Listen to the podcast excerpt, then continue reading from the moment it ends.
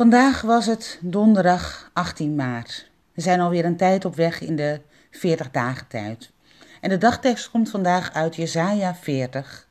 En daar staat: Wie hoopt op de Heer, krijgt nieuwe kracht. Hij loopt, maar wordt niet moe. Hij rent, maar raakt niet uitgeput. Een licht voor ons uit, een woord dat ons opwekt en goed doet. Zo zijt gij. Dat wij aangestoken worden door dit licht en bevlogen raken van dit woord.